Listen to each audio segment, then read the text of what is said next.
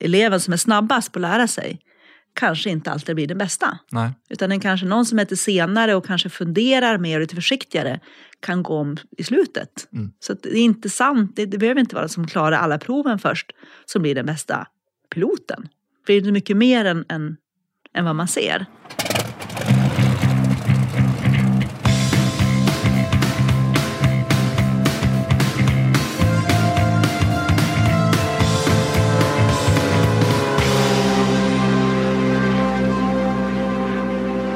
Välkommen till dagens avsnitt av Flygpodden med eh, mig Marcus.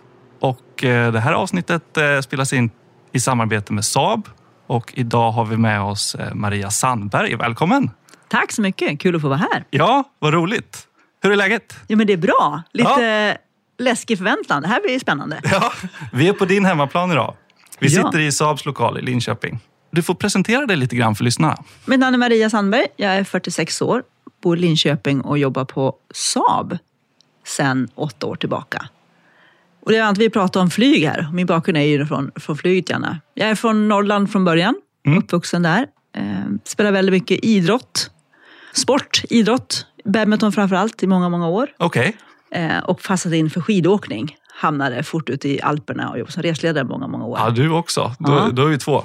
Fantastiskt. Ja, visst är det. Jätteroligt. Och eh, i den här vevan så, så skulle man växa upp och blev då civilekonom på Umeå universitet läste jag. Lyckades i mitt liv tajma in två stycken ekonomiska kriser. Den första var ju när jag gick ut civilekonomprogrammet så 2002 så fanns det inga jobb för ekonomer. Så funderade jag på vad jag skulle göra i mitt liv. Eh, jobbat jobbade som reseledare i många år och tänkte det här kan jag inte hålla på med. Men gillade ju resa och gillade ju att se världen. jag. Men för att min pappa en kväll och funderade vad ska jag göra då? För det fanns ju inga jobb här och hur ska det här bli? Han bara, ja, men flygvärdinna. Jag bara, nej men det verkar inte så roligt. Resledare kan jag inte göra hela livet heller. Det går ju inte det heller. Han bara, men pilot då? Ja, men, men det kan jag ju inte bli. Han bara, varför inte då? Ja, men jag vet inte. Ja, men det tror jag man kan. Så då, då började vi titta på det här. Och då så eh, letade runt lite grann och så sökte jag mig in till en pilot, kommersiell pilotutbildning. Och började där 2007 Okej. och läste då en, ett eh, tvåårsprogram med, eh, ja, med PPL. Ja, man börjar med PPL. Ja, man, gör, Ja. man tog de här grundcertifikaten, privatflygarcert. Och sen går man över till eh, CPL, kommersiell pilotutbildning. Och sen så läser man två motor och instrument. Okej. Och sen så får man då, man får ingen, ingen typrating, alltså inflygning på en surflygplan, men man, man får grund, grundcerten då. Ja. Så man har allting. Ja. Och då kom nästa ekonomiska kris. Eh, så då fanns det inga pilotjobb heller. Det, det går upp och ner. Ja, det går upp och ner. Och det Ja. var ju, vi kom ut den, en ganska stor kull egentligen. En fantastiskt intressant, rolig utbildning att göra. Och man vill ju då bli kommersiell pilot och flyga runt i världen. Det var ju hela Såklart. målbilden. Eh, Och ja, den resan är ju en, en helt egen podcast, berätta om hur man blir pilot. Eh, Men då tänkte jag att eh, jag kan inte lämna det här nu. Jag har ju gett mig in i det här och den här pilotutbildningen får man, den är ju, finansierar man själv. Man betalar själv för att bli pilot. Mm. Så man har ju lagt ner ganska mycket pengar på det här också Mm. och tid och så. Så då, då tänkte jag då blir jag flyglärare. Så då gick jag en flyglärarutbildning Mm. eh, och så fick jag jobb sen på samma skola.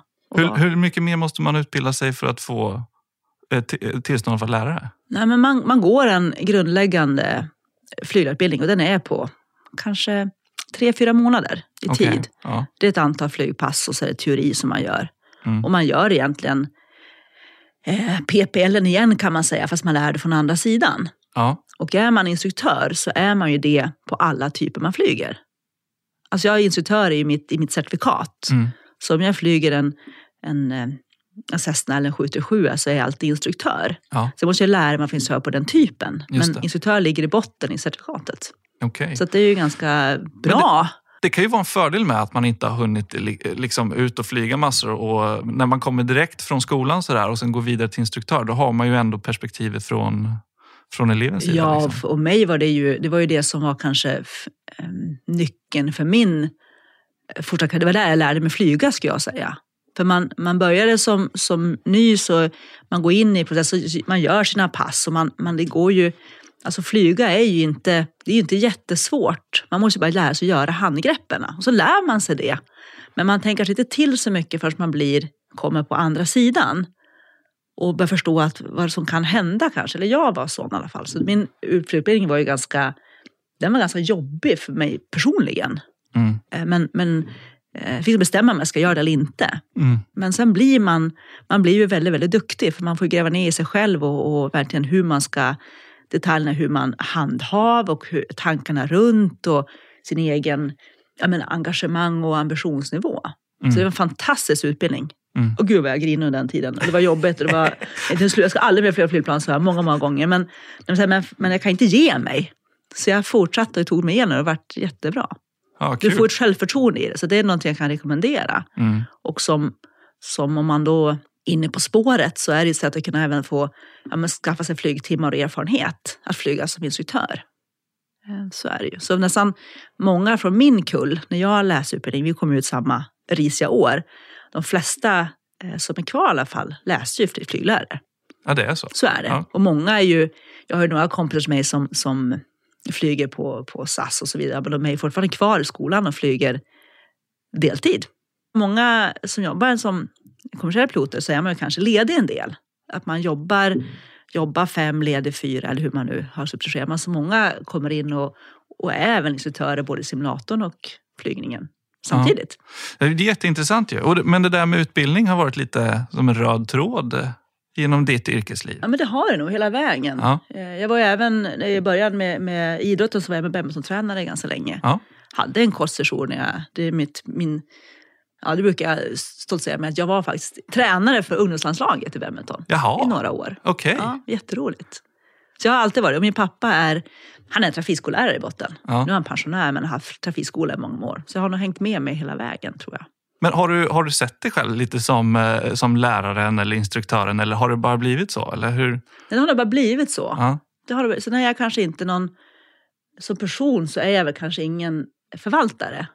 Jag kan, jag kan göra det eh, en gång, två gånger Ja. och sen måste jag göra någonting annat. Ja. Så jag var ju både flyglärare, både eh, teori och praktik. Så jag flög med många elever och även eh, teoretiskt höll kurser. Ja. Alltså teoriutbildningarna. Ja, Så det var roligt. Men, men jag kan inte göra det i all evighet. Jag kan göra det ett par gånger och sen blir det bättre och bättre. Sen så blir jag lite färdig. Ja, precis. Nyfiken att på nyfiken- annat. Ja, lite så är det. Ja, vad roligt. Men så jag var på, på den här flygskolan ganska många år. Vi jobbade i Kalmar med en liten, startade upp tillsammans med en annan kille en liten filial till skolan. Vi körde bara PPL, alltså grundutbildningen där nere. Mm. Jätte, helt fantastiskt. Vi flög jättemycket gjorde vi. Och sen så fick jag, när jag var i Kalmar så då hade jag min sambo bodde i Göteborg så jag pendlade ganska mycket fram och tillbaka. Och så tyckte jag att jag, vi gjorde väldigt mycket, vi gjorde ju allting i, i eleverna är på samma ställe hela tiden, så vi flög väldigt mycket men stål och vikning. Man går upp och svänger runt och, och branta svängar. Jag mådde så himla dåligt. Äh, Jag mådde så illa va. Och jag köpte åksjukeband och Ja. vet. Jag mådde så illa va. Det där är så orättvist. Alltså, att, orättvist, att, att, att vissa blir åksjuka och andra bara Och märker jag hade inte varit förut, men det var så fruktansvärt illamående. Och sen tyckte jag att mina byxor vart bara mindre och mindre. Men sen så kom jag på att jag var ju gravid. Då ringde, ringde jag hem och sa, Jimmy, jag tror, att, jag tror att jag är gravid. Men vem då, sa han. Du har aldrig varit hemma. det är en annan historia. Så då fick, jag, då fick vi två barn. Och då började flygbranschen ändå lätta upp sig. Men det var svårt att få. Då var det ju eh, söka jobb på Ryanair, Mm. bas Warszawa, jobba fyra, ledig tre. Det- var liksom inte, hängde inte ihop bra med att kunna vara förälder samtidigt. Nej, jag förstår det.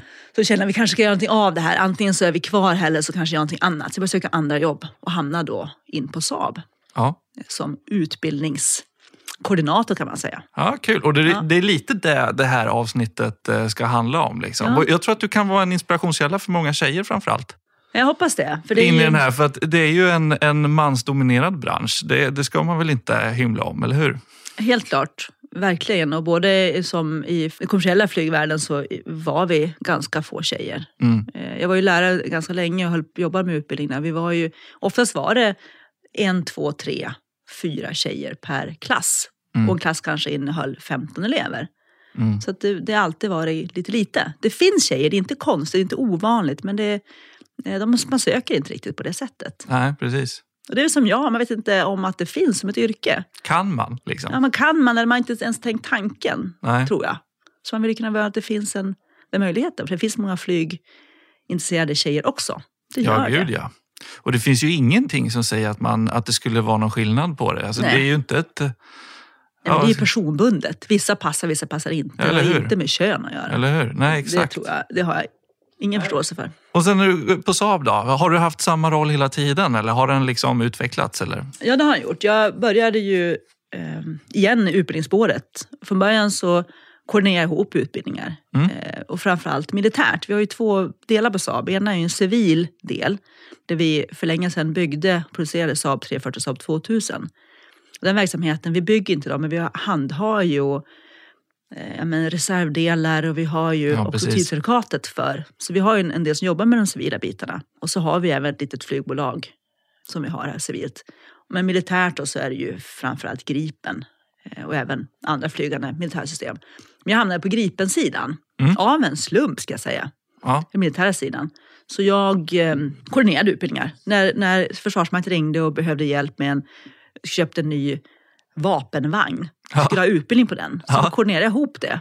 Jag bokade en kurslokal, hittade en ingenjör som kunde prata om den, kanske en underhållskille kunde visa hur man underhåller den. Och så gjorde vi en kurs på det. mm. var, det, var det en stor omställning att gå från det civila till det militära? Eller? Alltså, finns det likheter? Och, Ja, eh, nu är jag ju på Saab som är ganska civilt. ja.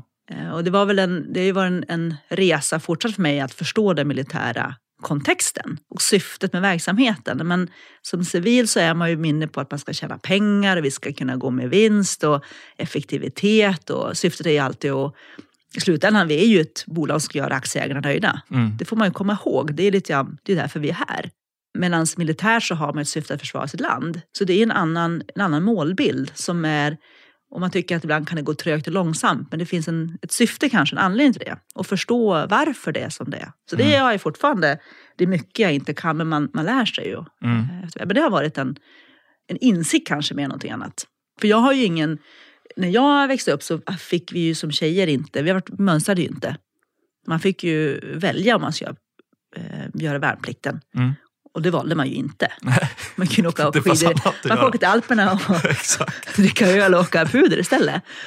Så jag har ju aldrig varit, aldrig varit berörd. Och i Umeå ifrån så la man ju ner eh, I20 som hette, infanteriet där, i samma veva. Så jag har ju aldrig vuxit upp i någon militär kontext i min, min uppväxt. Nej, Så jag har aldrig tänkt tanken på att Försvarsmakten ska vara en, en arbetsgivare egentligen. nej, precis. Så det var en, eh, en helt annan värld som öppnades för mig i alla fall. Jätteintressant och väldigt lärorikt. Men eh, pilotutbildning på Gripen E. Ja. Alltså så här, kan, man, kan man konkretisera det här någonstans? Eller hur? Jo, men- Var- Vart börjar vi? Så börjar vi. Jo, men eh, så här på Saab då. Mitt, mitt roll, min roll idag. Jag började inne på utbildning. Kan börja där. Eh, med koordineringar och sen så inne på Saab här så har vi ju en teknisk kompetens. Vi gör mycket underhåll åt Försvarsmakten. Vi underhåller civila flygplan, så vi har mycket underhållspersonal, alltså tekniker. Och eh, inne på Saab har vi säkert idag närmare 100 tekniker på Gripen. Mm. CLD då. Men vi insåg då att medelåldern på dem då, det här är ändå åtta år sedan, var ju ungefär 55-56 år. Mm. Och då måste vi utbilda nya. Och Försvarsmakten då hade ganska fullt på sin skola med att utbilda Gripen eh, CD-tekniker. Så vi var tvungna att starta en egen skola. Och då kommer jag från skolvärlden. Alltså jag var med och drivit en flygskola civilt. Och regelverken för att bedriva utbildning civilt och militärt är väldigt lika. Okej. Man bottnar i samma. Eh, civilt har man EASA-regelverket och militärt har man RML, som numera heter EMAR sedan något år tillbaka. Men regelverken är ju baserade på det civila regelverket, så det är ganska lika faktiskt. Så vi drog igång processen och startade den här eh, teknikerutbildningen. Och då gör man alltså, som tekniker så blir man, man går en grundutbildning på gymnasienivå kan man säga. Så är man tekniker. Mm. Sen fyller vi bara på med typen. Alltså hur underhåller man gripen? Just det. lär oss inte hur man grundjobbar som tekniker, utan det är ju typ certifikatet helt Ja, enkelt. det har man säga. med sig från, från innan. Det har man, så det här är Mm. sista snutten.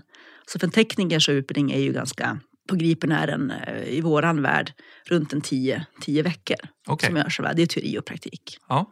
Så har vi startat upp den skolan. Så idag så finns det två stycken militära skolor för tekniker i Sverige. Och det är Saab och så är det Försvarsmakten. Så det är lite speciellt. Mm. Så det fick vi till 2015. Jätterolig, jätterolig resa. Jag vet att det visste, det har jag aldrig gjort överhuvudtaget. Men det vart ju vart jättebra. Men för två år sedan så, så bytte jag jobb och lämnade det. Och nu jobbar jag 50 procent som i kampanjer. När Mm. nya länder eller länder vill köpa nya flygplan så går vi in i så kampanjarbeten. Okej, Så jobbar med, och då är min del då i kampanjen är ju utbildning. Okej, den är intressant. Alltså man, man säljer in utbildningen i ett... Ja, i en kampanj. Alltså, så vi tar, jag har jobbat väldigt nu mycket med Finlandskampanjen. Ja, de ska välja ett nytt cykelplan här alldeles strax. Under året ska de göra första valet. Då är vi fem kandidater. Då får vi en, ett frågebatteri om hur Gripen kan prestera i en militär kontext. Hur Mm. är det underhållare och hur ser utbildningen ut? Så lämnar vi en offert, alltså en herrejösses-offert med Mm. ett pris på. Och då får ni det här. Utbilda så här många tekniker, så här många piloter, så många missionpersonal och så vidare. Och så får vi beskriva utbildningen, hur gör vi då? Och Ja, det, är ju- inte, det är inte bara att sälja ett flygplan uppenbarligen. Nej, det är ett system. Ja. Man får ihåg att det är ett system där. Det som är ju, det är inte bara själva flygplanet, det är det lilla. Ja. Så det, det jobbar jag med då. Och idag, idag flyger de med F18 va? Ja, Ja. ja, Och så kommer ni med Gripen. ja. Ja. Som ett helt annat. Nej, ja det är det. Och det är ju så bra va? Ja, exakt. Ja, är, kan, kan du säga någonting om skillnaden, alltså utbildningsmässigt, vad, vad som är skillnaden mellan eh, F18-systemet och Gripen E-systemet? Den stora skillnaden är ju att det är ju en helt annan tidsepok. Ja. Alltså det- F18 är ju ett gammalt system. Det är ju 30 år gammalt minst. Så det är ju någonting nytt, det är någonting helt annat. Och syftet med F18 på den tiden och syftet med Gripen Erik idag är någonting annat. Det är ju mycket electronic warfare, som vi säger, telekrig. Så det är en EV-maskin egentligen, Mm. som kan någonting annat. Så att jobba på ett annat sätt. Så det är en helt annan, förmågan är annorlunda. Ja. Sen att flyga det och landa och starta är ju inte så stora, men det är det som skiljer med civilt och militärt. Civilt så flyger man från A till B. Man lär sig flyga flygplanet och starta och landa och hantera det. Medan militärt så är syftet lära sig flyga, det, det gör man dag ett. Och sen kommer utbildningen på hur man ska operera och få ut en effekt av det. Så det är en helt annat syfte med målet med resan. Ja. Men för att säga Gripen så flygplan säger ju en sak, men sen är det hela allt och- runt omkring systemen som ska in. Teknikerna, utbildningarna, alla grejer, Alla alla, grejer. verktyg. Alltså det är ju det är ett skifte, det är ett, skifte för att byta stridsflygsystem för ett land. Är ju, det är ju, en, det är en stor grej. Mm. Shit, alltså ska ju lära om alla och byta ut alla grejer. Om man nu inte håller sig i samma familj. Ja. Så Sverige är ju, Lotta, att de har ett eget, en egen industri kan jag tycka ibland. Så de håller med, det vet jag inte. Men de, vi bygger vidare på Gripen-familjen åt Försvarsmakten. ja, Det blir ju mindre skifte. Mm. Men att byta helt, det är ganska stort. Ja, nej, jätteintressant. Men nu har vi pratat mycket om, om, om Gripen och Gripen E och sådär, men eh, det, det här med Global Eye är väl en del av paketet? Absolut, och det är ju ett eh, övervakningssystem, ett flygande övervakningssystem med Ja. en stor radar på taket. Ja. Om man ska hö- eh, höra. Ni som är i Linköping har sett det när ni flyger runt här. En stort eh, businessjet med en stor sån takbox, handtag på taket. Ser, ser lite lustig ut. Jättelustigt ut. Och det är ju den här radarbäraren som är på toppen där med en, en, en fantastisk förmåga. Och i flygplanet så har man ett antal operatörsstationer där man kan se och styra vad man ska titta på helt enkelt. Vad, vad är fördelen med att ha en radar på ett flygplan? Är det att man kan flytta på den? Då? Varför ställer man inte bara en radar på backen? Och sen så... Ja, den är ju portabel, om man Ja. säger ambulerande. Man kan Ja. åka dit man ska göra och du kommer ju uppifrån och ner. Du ser ju på ett annat, du får ju en större vidvinkel. Ja, och Globo det. 6000 är ju ett av de flygplan i världen som kan flyga längst och högst. Den flyger väldigt, väldigt högt och kan flyga i luften väldigt, väldigt länge. Uppåt en, med den här radarbäraren säkert. Nu, är- det här Radarn är... är, bättre i luften än vad den är på ja, backen helt kan man säga. Man kan flytta på den. Ja. Ja, Så det är ett jättefint system. ja. Men, och, men så här, utbildning då? Eh, Hur, eh, ja, men kan man dela upp det i teoretiskt och praktiskt? Eller? Så är det ju. Men, men man, eh, det är piloter vi pratar med antar jag här som är intressantast kanske. Men, Eh, men så det, det är mitt, alltså, det så här, det är 50 procent av mitt jobb är ju kampanjer och det är ju en resa sig. Det är ju, där säljer vi framtiden. Det är ju offerter och vi, vi tittar på koncept och hur kan vi göra. Och så min andra ben står jag i, i verkligheten, brukar jag säga ibland. Där jag jobbar med att, som projektledare för Gripen E, pilotutbildning. Mm. Och då för två, vi har två kunder på Gripen E just idag, det är ju Sverige och Brasilien. Så det är de jag jobbar med och kunna då ta fram den här piloten för Gripen E. Och, och det i sig är ju intressant, för flygplanet är ju inte, det är på provstatus idag. Flygplan flyger ju, men det är ju på en, det är ju inte färdigt. Nej, det är ju, prov, provas ju ut fortfarande. Ja. Så det är ju intressant. Och då utbildar ni svenska piloter och brasilianska piloter parallellt eller har ni kommit längre med, med någon? Eller hur, Lite olika. I, I Sverige är det ju ett helt annat, har vi en gemensam verksamhetsutveckling. Ja. Det innebär egentligen att, att Försvarsmakten och FMV flyttar in här på Saab. Så det är, det är ett par piloter som är provflygare från Försvarsmakten och TUE som jobbar här tillsammans med oss här på Saab. Och då lär man sig som provflygare att hur man, de är som i hela processen, de lär sig ju flyga Gripen E tillsammans med våra provflygare. Och det är en helt egen värld här för provflyget. Då flyger man ju flygplan som inte, som inte är färdiga, manualen är inte klarat. Det är ju en, en helt egen genre. Hur de gör det, det, det kan jag inte gå in på, för det kan jag inte. Men det är en egen resa. Och sen så Försvarsmakten, de här killarna sen kommer ut, kommer tillbaka och börjar bygga utbildningen i Försvarsmakten tillsammans med sin skola. Försvarsmakten har ju en egen pilotskola för Gripen kan man säga då, Mm. ute på F7 på Såtenäs. Så att vi, igen så är det ju grundutbildningen, det räknar vi med att någon annan gör. Det Mm. kan piloterna de kommer till oss. Och sen så lägger vi på själva Gripen specifika. Ja, precis. Försvarsmakten gör det själva med hjälp av oss förstås, gemensamhetsutvecklingen. Mm. Men vi gör vissa delar åt dem. Så det är ett samarbete kan man säga. Men Brasilien har ju köpt ett färdigt flygplan med då, som vi gör i kampanjen nu egentligen, med ett kontrakt där man ska utbilda då eh, ett ant 16 piloter under en viss tid till Gripen E. Mm. Och så är det, de förväntas ska få komma till en skola och göra det här. Mm. Så det är ju intressant. Och i Brasilien-fallet så är det ju att det är Saab som har kontakt med Brasilien och inte Försvarsmakten. Och Saab har ju ingen, vi har ingen flygskola. Den, den har ju Försvarsmakten. Mm. Så att det är intressant. Så vi har idag påbörjat det och vi har, just nu så har vi sju stycken piloter här i Sverige från Brasilien Jaha, som är och flyger. ja, kul. Jätteroligt. Ja. Och eh, då är de, är de stationerade här i Linköping då, eller hur? Ja, vi har två i Linköping och så Ja. har vi fem i Såtenäs. Okej. Så de första två är ju Brasiliens testpiloter. Som de svenska testpiloterna så är de här nu. Så de var först på F7 och lärde sig flyga Gripen CD hela hösten. Okej, de har inte flugit den i Brasilien sedan innan? Nej, Nej. de är ju F5-piloter i botten. Aha, okej. Mm. Ja, så, men så då bygger man lite på CD-programmet då? Precis. Ja, och I och med att sen- det inte finns än så Nej, det är ju en bra, och de hänger ju ihop. Ja, det är klart. Så det är jätteintressant. Ja, vad Ja. roligt. Så de har då varit i, på Såtenäs hela hösten och sen så eh, är de nu på, här på Saab då, i ett halvår och lär sig bli provflygare på Gripen med Ja. vårat, tillsammans med vårt provflyg här nere hos, hos oss. Men hur, hur funkar det då med kulturkrockar och språk och Ja, är ju- klimat och...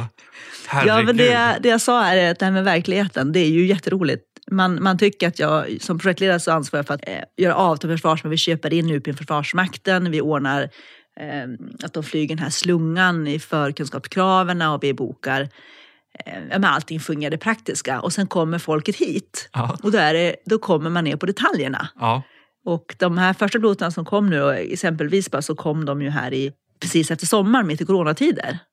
Och sen så har du med sig sin familj. Okej. och då- och Hela det- paketet Hela kommer. paketet. Och kommer Ja. med, och ena killen här, då hans fru var ju gravid. Ja. Och de här är från Brasilien, för portugisiska och de kan ju engelska. De är duktiga på engelska. Men de kan ingen svenska. Och så ska vi då hjälpa den här killen och hans fru att få ta på mödravårdscentralen. De ska ju föda barn i november. Och hela den processen. Shit. Och om man går in på deras hemsida, de pratar ju, allting är på svenska. Så de, man kan ju inte bara ringa och säga hej, du, jag ska ha barn här. Så att vi får, man får lära sig att hantera också sådana saker. Ja, men gud. Men en dotter kom det i början på december. Ja, okej. Ja, vad roligt. Absolut. Och sen så de andra två vill ha sina barn på svensk dagis. I Brasilien kan man ju köpa sin plats på dagis. I Sverige ställer man sig i kö. Ja. Så så jag och min kollega Nina har ju varit allt från dagis Ja, jag kan Ja. förstå det. Så det är jätteroligt. Så de är ju här nu i alla fall. Det går bra. Sen så i januari så kom de första operationella piloterna. Och det är lite annat skrå. Fem stycken och var vi hämtade på Landvetter med fruar och allt också igen. Och de kom då från Brasilien som har sommar. Ja men helt enkelt. De ska ju också bo då på, inne på F7 så har de lägenheter. Mm. Och då ska man ha karantän för sig fem dagar. Så att hur eller hur så kom de ner här då och eh, de hade på sina vinterkläder. Och då var i Göteborg då, här var i början på januari, det var ju fem grader kallt, det blåste från havet och snöade lite. Mysigt. Det är alltså skitkallt. Välkommen. Fruktansvärt kallt är det. Och de kom med sina lågskor, sina skinnjackor. Eh, och hade klätt sig varmt tyckte de. Och då sa men Maria det var ju inte så kallt här. Då var vi fortfarande inomhus. Ja men shit. Vänta på det bara. Chocken bara. Och de har aldrig sett snö förut. Alltså börja där. Ja. De kommer ju från sommaren och så in i januari och då är det ju aldrig ljust heller. Och det är intressant det där. Det kommer, kommer liksom, nu ska, vi, nu ska vi utbilda och sen så, eh, liksom det här behöver vi uppfylla rent teoretiskt och sen att genomföra det i verkligheten. Och så, Nej men då kommer resten. Det, ja men så liksom dagis och barn Ja. och BB och... Ja, det är helt... För man, tycker, och det, man glömmer ju bort det, att det är ju människor. För att, och sen man kom in i flyg, flygandet, att, för de har ju gått, de har ju flugit mycket flygplan och massa erfarenhet, de är jätteduktiga. Så det är ju enkelt. Mm. Det, det, är ju, följer man ju ungefär samma upplägg. Mm. Alltså vi startar och landar, vi gör det vi ska. Men det här eh, kontexten, eh, så det är jätteintressant. Bara, sen, ja. De som kom i somras var de första. den första, ja, Ja. hur, hur länge kommer de vara här då ungefär? de är här till mitten på juni. Okej, så ett år Ett ungefär. år är de här. Och de Ja. andra är här ett halvår ungefär. Ja. Och sen ska de tillbaka till Brasilien och lära upp alla andra eller hur? Ja, sen så då har vi fått en CD-utbildning. Och sen så levererar vi Saab då, flygplan till Brasilien Mm. som vi går på båt härifrån Linköping. Mm. Och där ska vi tillsammans med dem sätta upp en utbildningsorganisation där vi skickar ner då instruktörer som ska verka i deras flygskola. Där vi ska lära dem hur man, då, hur man flyger, hur man flyger IPNE, Ja. helt enkelt. Men så ni håller dem fortfarande lite i handen då? Ja, Liksom, vi håller- ja, absolut. Vi är ansvariga för att hela, ta dem hela Gripen E. ja, Så det är ju en bit kvar. just det. Men vi har ju fått, dem, fått en fantastiskt fin grund och jag ska ihåg att vi är en industri. Man har varit på Försvarsmakten ett halvår och lärt sig hur man även opererar i en lite kanske en taktisk operativ miljö också. Mm, precis. Så att de har fått en jättefin CD-grund att stå på och förståelse för systemet. Ja, just det. Så att det är ju, jag ska inte säga att det är enkelt, men de har ju en bra bakgrund. Ja, Så att det är ju, för de flyger F5 själva och det är ju också en gammal, gammal system. Uppgraderad förvisso med, med nya skärmar och så, men det, det är ju ett gammalt flygplan. mm, Det är ju ett paradigmskifte att gå från F5 mm. till Gripen E.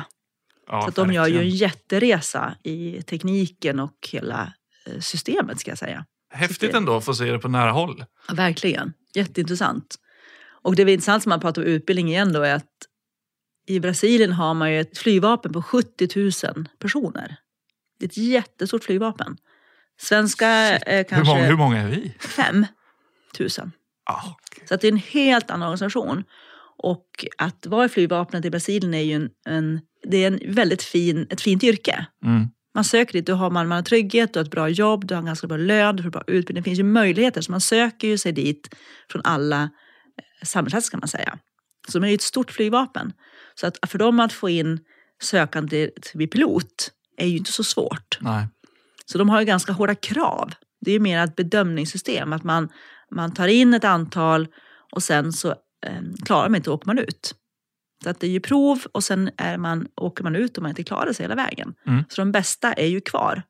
Och de som inte är bäst, de åker ut. Mm. Så att de vi får hit nu, de som är hos oss, de är ju de bästa som de Mm. har. Så det är, de är väldigt, väldigt duktiga, men de har ju också en tävlingsinstinkt som vi inte är vana vid. Utan vi vill ju mer att man ska lära sig för att man ska, den som är bäst kanske inte är den som lär sig blir bäst på slutet.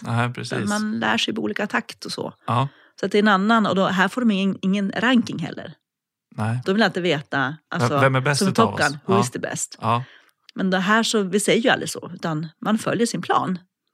Så Det där är alla, jätteintressant. Vi hade, vi hade ett avsnitt med Flyg S på, Ja. på Malmö här i Lidköping. De pratade lite grann om det och skillnaden mellan US Air Force och svenska flygvapnet och hur man tänker lite grann. Och där, där var de ju inne på det, bland annat både lärare och elev. Precis samma. Hur att eh, mm, det, är, eh, det är lite mer en eh, jämförelsekultur och vem, vem är bäst och lite mer macho i US Air Force. I Verkligen.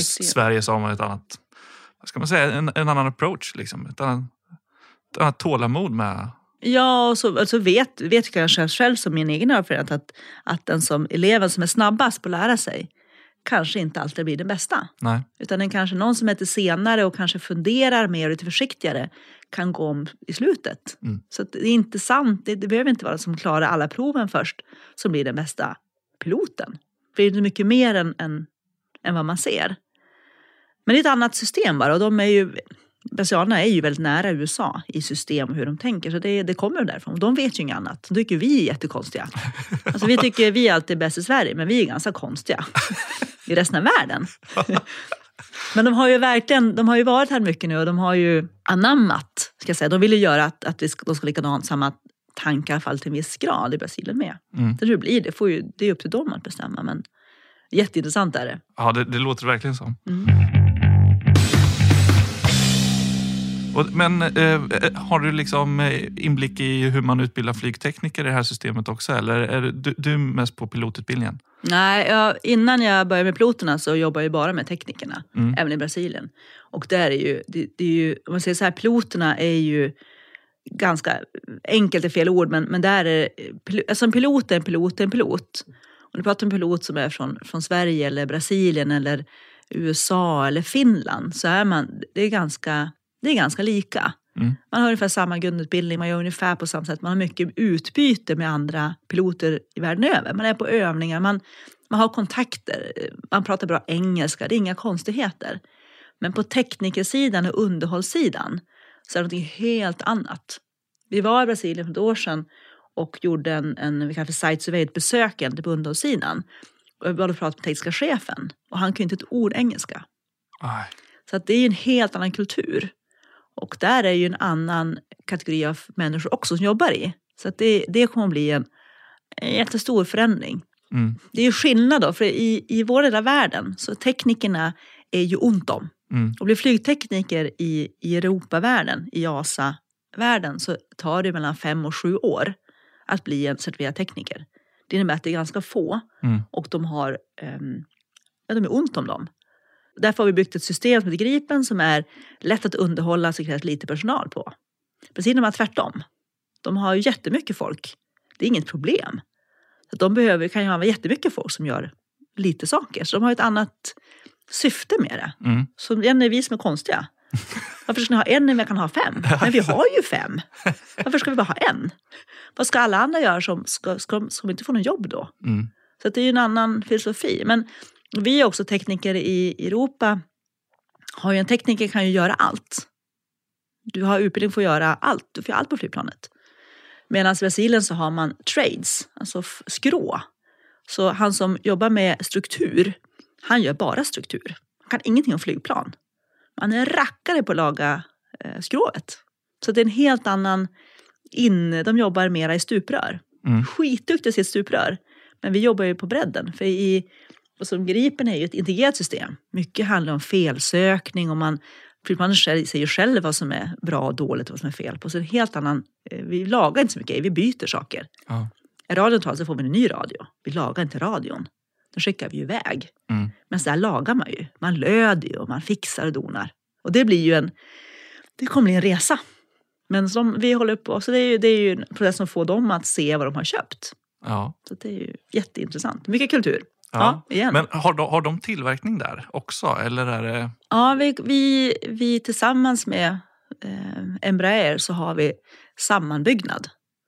Så vi, vi skickar delar härifrån och så byggs ihop där borta. Slutmontering och lite flygprov har vi där borta.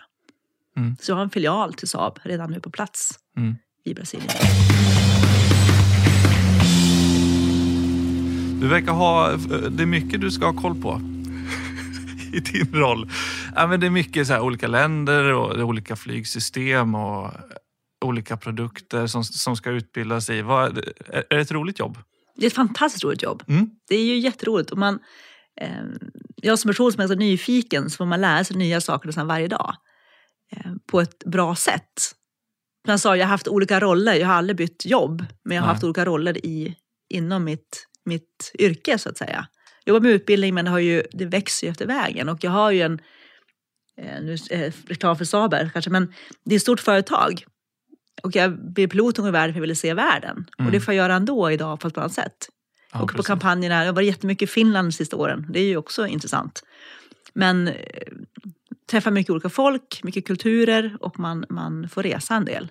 Ett fritt arbete och man kan ju alltid söka sig anerkänns inom företaget. Man kan Mm. bli chef eller man kan söka sig projektledarjobb eller det finns olika, eller detaljist jobba med som ingenjör. Det finns ju olika grenar på jobbet. Jag, jag kan tänka, alltså, de som är lite intresserade av flyg eller utav, utav de här tekniska produkterna som Saab har. Det finns ju hur mycket produkter som helst nästan. Mm.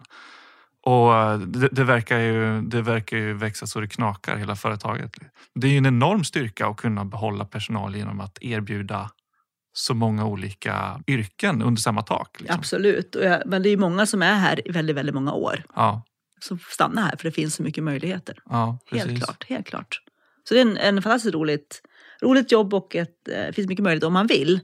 Man måste alltid själv driva sin egen utveckling förstås, men det finns ju möjligheter på ett enklare sätt. Mm. Man behöver inte lämna för att komma Sök, söker ni folk och sådär? Har du koll på det? Det gör vi alltid, i olika Ja. former. Mm. Det, är olika, det finns alltid massa annonser ute på olika, olika roller överallt. Mm. Eh, Så det kan man sitta själv på hemsidan tror jag. Och det, det går att söka även fast man inte har med sig en pilotutbildning från början som man finansierat själv. Och, Ja, det kan man göra. ja, Eh, Vi, söker, vi söker till piloter bland annat, har vi gjort i alla fall, till den här airtraktorn. Har vi Va- gjort. vad är, ja, AirTractor vet jag vad det är. Ja, Johan var ju här och pratade Ja, men precis. Du får, du får säga vad det är för något. Ja, men det är ju ett brandbekämpningsflygplan där man på vatten och släcker bränder med. Och nu har vi ju beställt fler sådana, så det behövs mer piloter på den. Så där behöver man ju piloter om man ska, om, som ska men det är ju en, ett ganska, det är inte det första flygplanet man flyger när man kommer ut som grön pilot. Nej, Det är någonting mer avancerat så att säga. ja precis. Men jag som tur är, när jag började på Saab så flög jag ju även Saab 340 eh, från början, på halvtid. Mm. Eh, så det var ju jätteroligt. Sen sålde de flygplanet, då fick jag gå i pension. Nej, mitt flygplan. Så var det. Men du saknar inte att flyga? Så. Ja och nej. Jo, nu har det gått så pass lång tid. Mm. Visst, i början tyckte jag det var jobbigt att man inte fick flyga, flyga till sig och även att man inte var del av det, det communityt. Att man inte, jag, jag var inte pilot längre. Det har man sagt länge, jag är pilot och det, folk hajar till. Mm. Men, men idag så kanske jag saknar flygandet mindre. Men jag har, min, min bakgrund är ju kvar.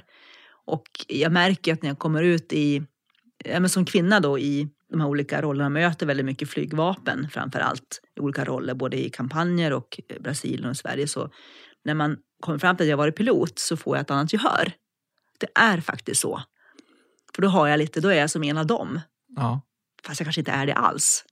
Nej. Men det får, särskilt i Brasilien, inte finns så mycket piloter, kvinnopiloter alls, så får jag verkligen ett annat, då blir jag, ja men då lyssnar man på mig på ett helt annat sätt. Så Mm. för mig är det ganska en, det är en viktig bakgrund med jag brukar faktiskt försöka lyfta fram det när jag kan. För det ger mig ett annat gehör. Det är intressant. Ja, så är det. Hur ser det ut framöver nu? Vad är, vad är närmast? Ja, närmast för, för, för mig då, det i min roll som jag håller på med, så är det ju, framförallt har vi stort, Finland ska ju välja sitt slutvälje här, vilket de ska, system de ska köpa. Ja. Och det är ju, vi har ju jobbat med Hur kampanjen. spännande som helst. Hur spännande som helst. Ja. Och vi har jobbat med kampanjen, jag har, inte, jag har varit med i två och ett halvt år i kampanjen, jag är ju ny. Ja. Jag har varit med kanske i fem år med den här kampanjen. Så det är långa processer. Ja, det, är en, det är en lång säljperiod. Så det valet är ju vansinnigt viktigt. Och Ah, shit. för Sverige som land är det här den kanske mest en väldigt, väldigt viktig kund för oss. Ja, det, dels är det en jätteviktig affär för Saab, men sen är det ju också, det påverkar ju hela, hela Försvarsmakten i hur man kom, om jag har förstått det rätt, i hur man kommer utvecklas. Helt klart. I och med att det är, det är driftfördelarna med att ha samma system i Finland. Det finns ju massor att kunna dela taktisk operativ förmåga. Och så det finns ju jättemycket Det, vinster det i är det. många som sitter på nålar nu kanske. Verkligen. Mm. Och, så det ska bli jätteintressant att se hur det här går. Mm. Det är väl en, vi är fem kandidater kvar. Så vi får se vad det här Ja. landar i helt enkelt. Ja, de måste börja sålla snart. Jag tror inte de gör det. De tar nog med sig alla fem hela vägen. Ända in i mål. En in i mål tror jag. Ja. För nu är vi på, vi lämnar in det, Best and Final Offer, lämnar vi alla in här nu i sista april. Okej. Så går det in sen. Ja. Och sen ska de bara titta på det och göra en utvärdering. ja. Shit. Ja, så ska vi, det ska vi en ja, det intressant resa. Finland. Och det är ju framtiden, det är ju kampanjerna. Och sen i, i den övriga världen så ska vi nu påbörja att ta fram utbildningen för Gripen E. För Brasilien framför allt. Mm. De är först ut. Mm. Och titta på hur ska vi då göra, konvertera de här från CD till E. Vad är skillnaderna? Vilka pass ska vara i simulatorn? Vilka teoripass ska vi göra? Hur gör vi det här? Eh, Teknikerna är vi redan igång med det, men piloterna har vi inte börjat på själva utbildningen. Så vi har stommen men inte tagit fram kursen. Och så är det ett jobb att göra där. Och se hur få ihop det här och även dialog med dem. Hur de ser på utbildning. Det är ju alltid en dialog åt båda håll. För de som sedan gör det här själva. Så det, det är ett jättespännande jobb som kommer börja nu här under, under hösten ska jag säga. Så det är väl det jag håller på med framför allt här. Ja, jättespännande. Det har varit jätteroligt att ha dig med i Tack. det här avsnittet. Det är jätteintressant. Herregud, det verkar som det här med... Ja, jag skulle vilja ha din roll tror jag. Den får du aldrig. Den får du aldrig. Den är inte ledig. Nej, super, super tack för att du tog dig tid och var med. Det har varit jätteintressant att lyssna på dig. Tack så mycket, kul att få vara här. Ja, och till alla ni som lyssnat, så eh, stort tack för att ni har hängt i. Eh, det kommer fler avsnitt av Flygpodden. Det här var det sjunde. Eh, och vi hoppas att kunna, jag säger det varje gång, men jag hoppas kunna släppa lite oftare och lite tätare mellan avsnitten. Ha det bra, tack så mycket och hej då!